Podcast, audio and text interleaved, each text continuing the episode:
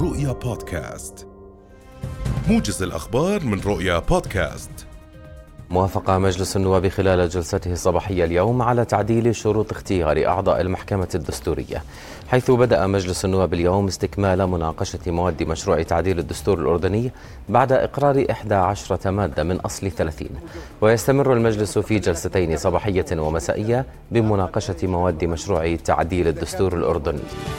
أصدر رئيس الوزراء الدكتور بشر خصاون البلاغ الثالثة والخمسين الذي يمدد العمل بأمر الدفاع الحادي والثلاثين لسنة 2021 المتعلق بتحديد الحد الأعلى لتكاليف أجور نقل البضائع المستوردة إلى المملكة حتى نهاية آذار المقبل.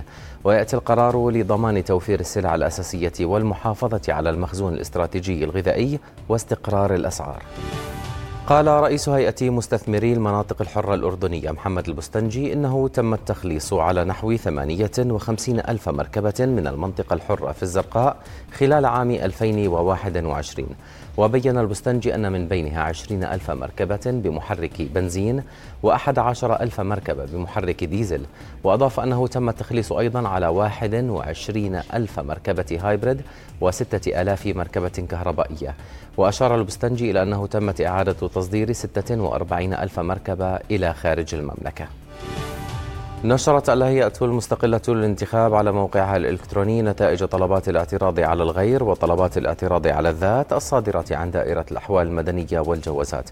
وتكون القرارات الصادرة عن اللجنة المخولة بالبت في طلبات الاعتراض على الغير قابلة للطعن لدى محكمة البداية خلال مدة لا تتجاوز ثلاثة أيام من اليوم التالي لتاريخ انتهاء مدة عرضها.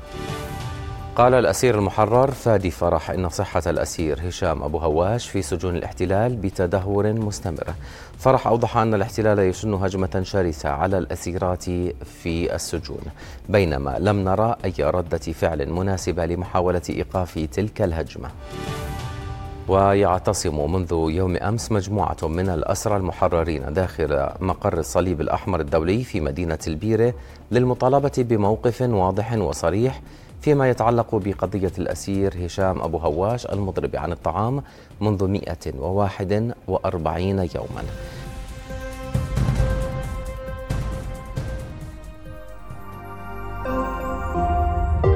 رؤيا بودكاست.